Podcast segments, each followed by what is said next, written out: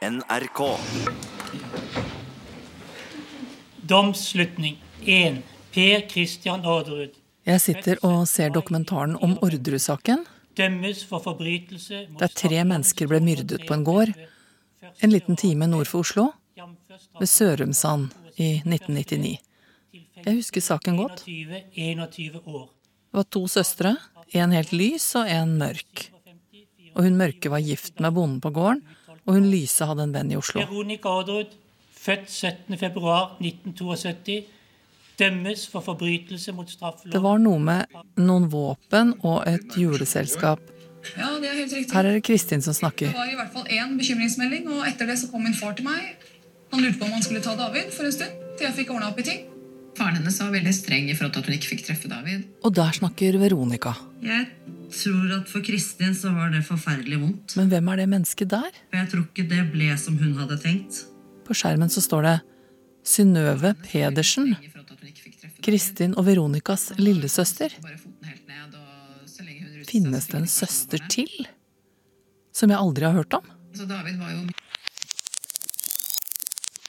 Jeg tror at for Kristin så var det forferdelig vondt. For jeg tror ikke det ble som hun hadde tenkt. Ligner kanskje litt på Kristin av utseende, men hun er mye større og kraftigere. Jeg tror at for Kristin så var det forferdelig vondt. Så var det forferdelig vondt. Det har jeg aldri visst. At det fantes en helt ukjent lillesøster. Som så å si har levd i skyggen av de to andre.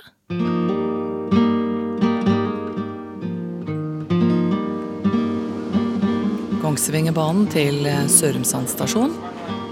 Setter på GPS-en og følger gårdruta i sju-åtte minutter.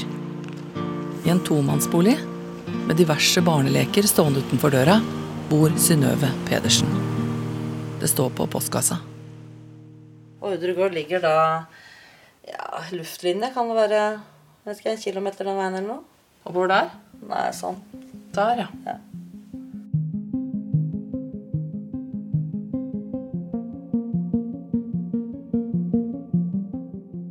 Jeg skifta etternavn eh, etter dette skjedde i 99, for jeg fikk ikke noe jobb.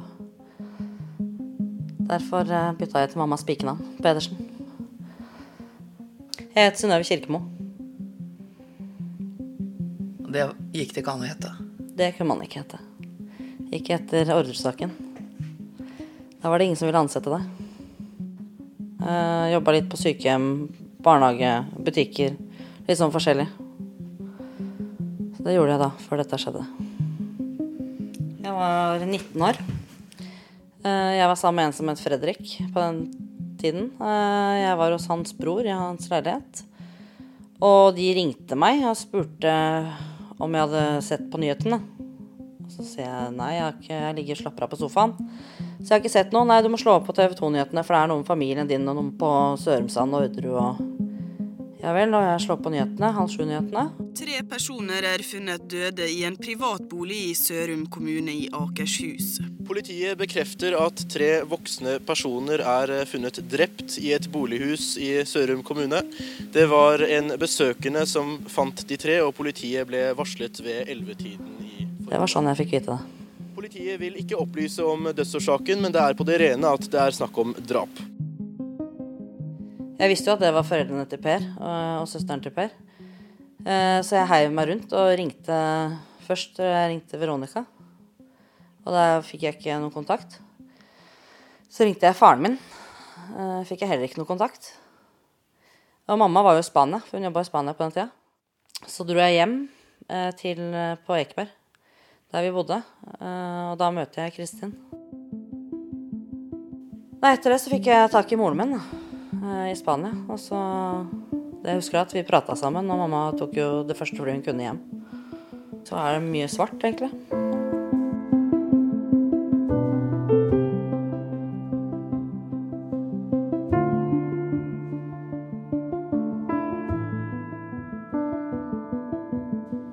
Dagen etter husker jeg ingenting av.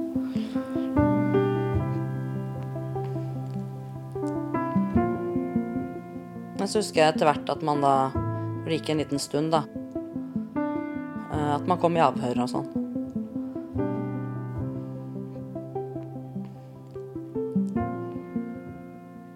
De var veldig sånn på deg, liksom. Mm. Hva spurte de deg om, da? Eh, om alt mulig. Om eh, juleselskapet, blant annet. Hvor du var på det juleselskapet? Det var jeg. Jeg var nissen i det juleselskapet.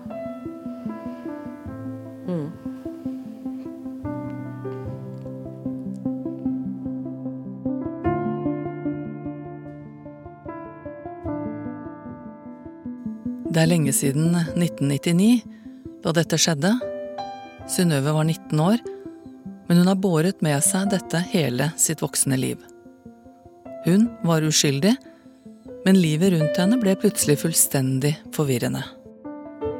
Det var eh, helt opp ned, på en måte. Eh, jeg merka hvem som var vennene mine og ikke vennene mine da, veldig fort.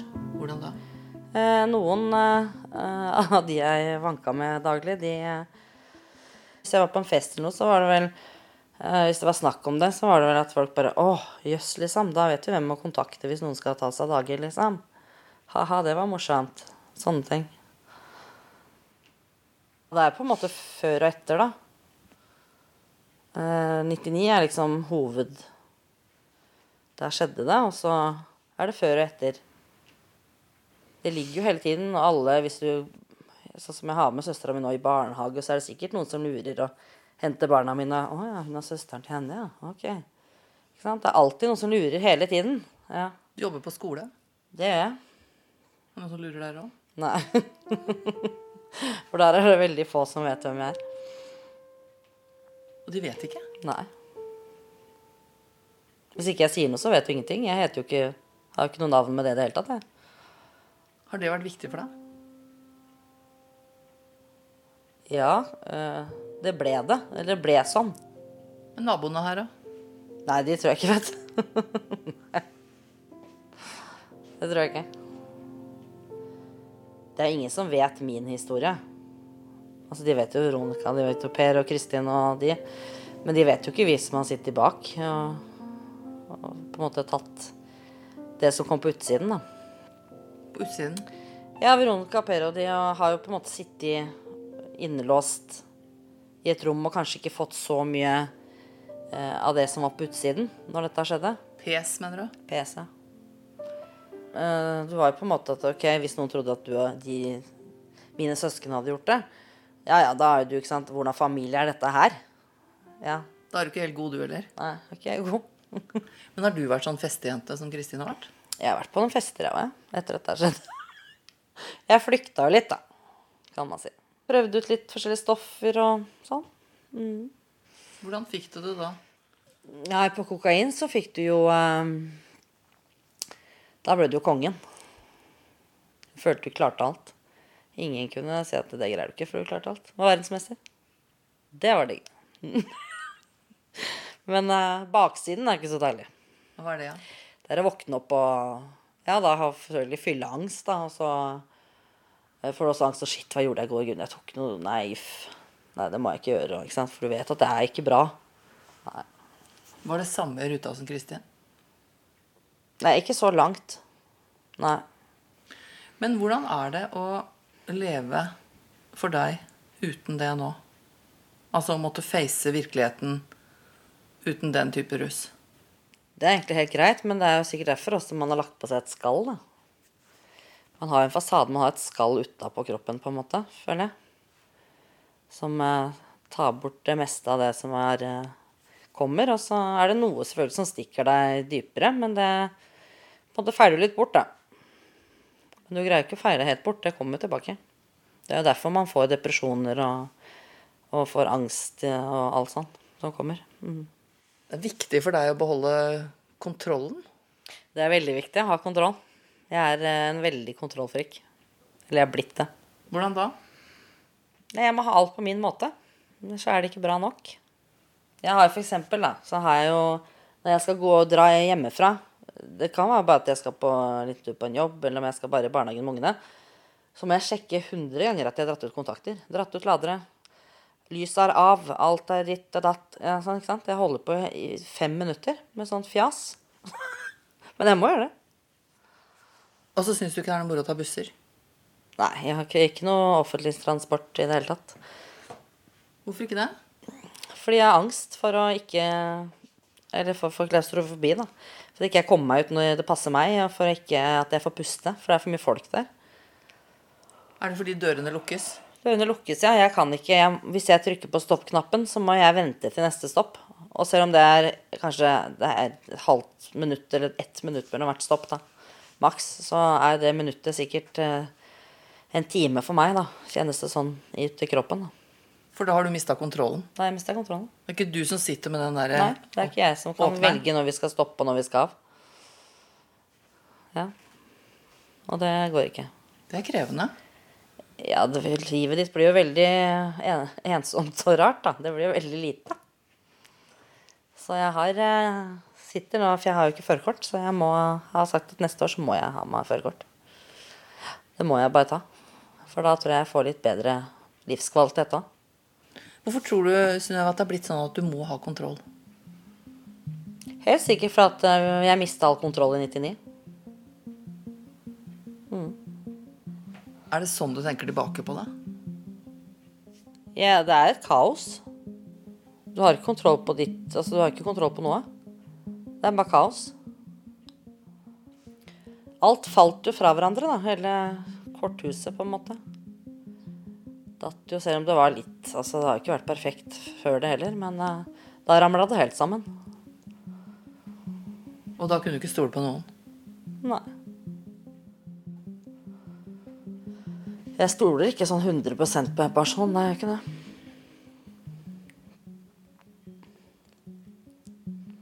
Den kontrollen som du har, Synnøve, Ja. er det en venn? Er det en hjelper? Det er nok begge deler.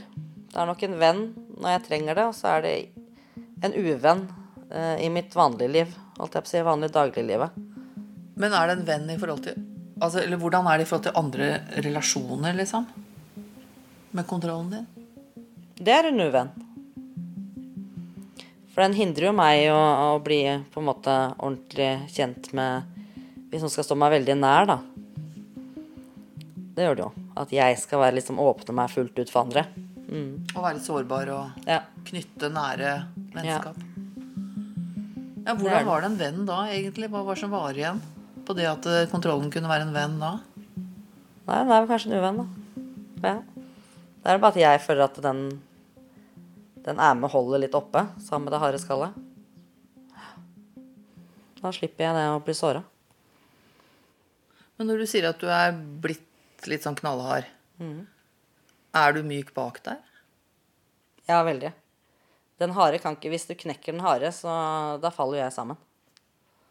Det er det som holder meg oppe. Viser du den myke til noen? Den bakom?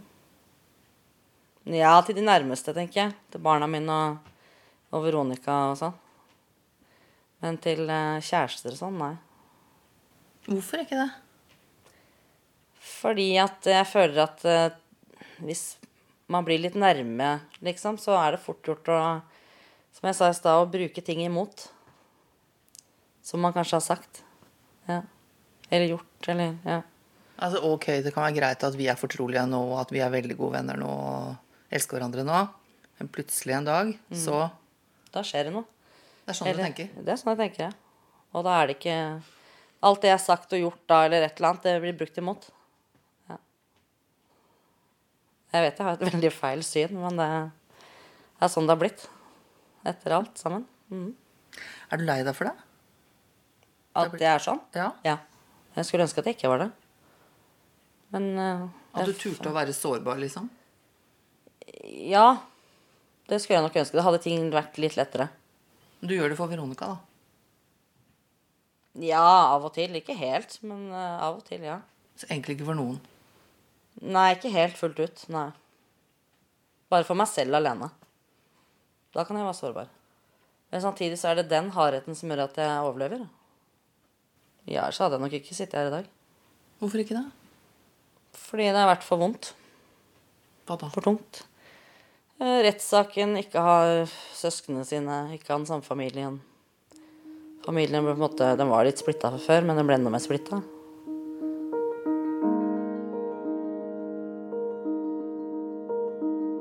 Over ti år etterpå så leide jeg en, eh, en hybel på Grefsen. Eh, og så var jeg egentlig ikke fornøyd med livet i Oslo, egentlig. Jeg var ikke fornøyd med noen Jeg var ikke fornøyd med livet i det hele tatt, egentlig. Generelt. Så var livet veldig dritt akkurat det året, eh, følte jeg. Så satt jeg og da Veronica hadde en sånn eh, permisjon da, på en dag, tror jeg. Og så dro vi på Metrosenteret, jeg og hun og mamma. Og så prata vi egentlig, satt og spiste kinamat og prata om alt mulig rart. Og så sier jeg, prater vi om meg, da, at ja, hva skal du, og litt forskjellig. Sier Veronica, du skulle ikke flytta på gården, da? Sier, hæ, på Sørumsand, hva skal jeg oppi der gjøre? Ja, det er iallfall nytt sted, da. Litt mindre, kanskje. Du bare prøvd det, da. Det er jo ikke så langt fra Oslo uansett. tenkte jeg, ja, nei, sa jeg til meg. jeg vet ikke helt, jeg. Uansett så tør jeg ikke å bo der uten at jeg har noen uh, Har en bikkje eller noe oppi der.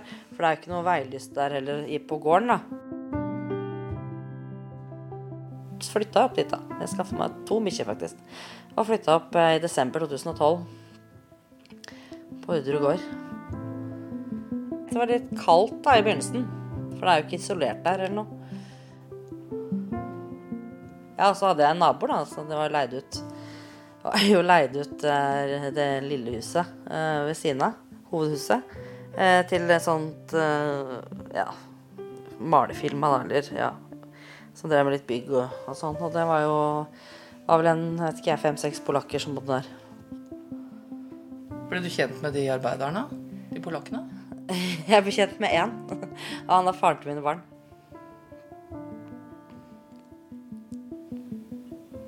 Og så har jeg blitt her på Sørumsand. Og det her er det veldig fint.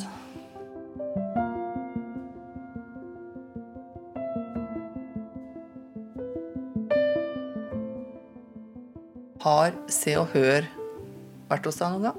Ja. Jeg tror jeg har vært med Se og Hør to ganger. eller noe sånt. Hva de lurte på da? i intervjuet? Eh, Det var vel noe om at eh, ja, at jeg hadde flytta inn på gården, og om eh, hvordan livet skulle bli nå etterpå, etter de slapp ut.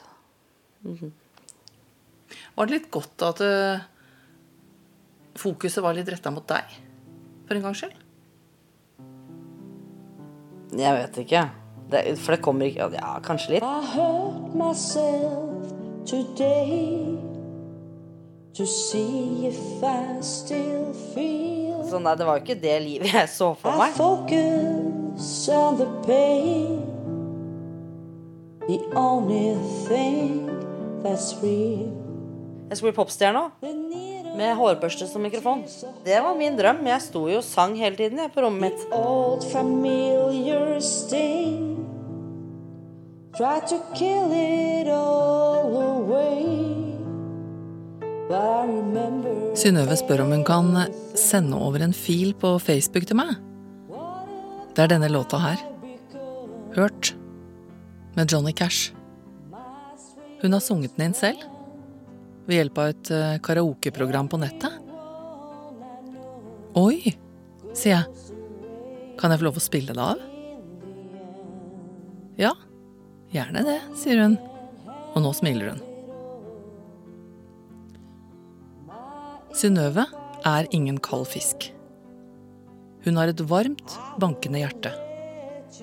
Men rundt det hjertet så har det vokst et skall, som hun selv sier. Og det skallet er tjukt. Jeg tror at hun har gitt meg denne musikkfila her, nå, for å bevise det. At det er noe annet uh, innafor.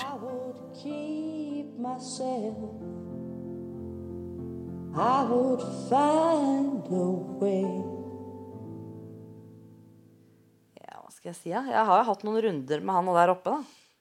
For jeg var jo I min ungdom så var jeg litt sånn i tvil. Jeg trodde ikke på noe gud, eller jeg trodde ikke på noe helvete, eller jeg trodde ikke på ditt og datt. Eh, Og så kom dette her, så tenkte jeg det fins det i hvert fall ikke. Hvem er det som vil noen så vondt? Liksom. Men etter hvert som året har gått, da, så har jeg forstått at det er jo ikke han som vil oss vondt. Så du tror på Gud? Nå gjør jeg det. Mm. Er det en styrke for deg, eller? Det er litt viktig, ja. Hvorfor det? For det er en slags trygghet. Kanskje det er det eneste stedet du Det er mulig. Jeg vet, ikke, jeg har ikke tenkt på det sånn, men det er kanskje det. Men det, på veien. Tror, det tror jeg kanskje, Synnøve. At det er det eneste stedet du håper å si, kan grine. Ja. Det er godt du har det. For meg er det trygghet. Nå har vi snakka sammen lenge. Mm. Og jeg har sittet og sett på deg hele tiden. Vært veldig opptatt av deg. Mm. Er det litt deilig at du for en gangs skyld har vært hovedperson? Det er deilig å kunne være fri og si akkurat hva som har skjedd i hele livet mitt. Og at noen hører på deg? Ja. Og tro på det? Jeg håper de tror på meg. Eh, ja, altså jeg, Ja, jeg, det er godt at noen ja, se, kanskje ser meg litt, da. For det er nok ikke Det er nok noen som får sjokk når de, hvis de hører på dette her. Uh, oi, var det det jeg har, det jeg har gjort? Oi sann. Ja, hva er den for sjokk av? At jeg har prøvd narkotika? Det, Det har du sagt til noen. Nei. Hvorfor sier du det nå da? For det er sånn det er. Altså, hvorfor skal det være tabu hele tiden å ha psykiske vansker? Så nå sier du bare alt rett. Du tenker nå, for å være nå, forteller jeg. Ja. Eh, Det er, jeg tror det er så mange andre der ute også som sitter sånn som meg, da. Ikke at jeg opplevde det samme, men at de sitter med ting de har opplevd som de syns er forferdelig eller helt jævlig. Eller, altså, og de har ingen å snakke med. Ja. Det må opp. Det er ikke greit.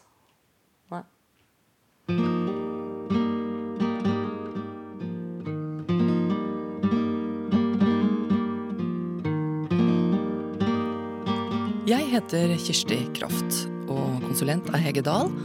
Og hvis du har lyst til å skrive til Kraftredaksjonen, så er adressen kraft.krøllalfa.nrk.no. Kraft.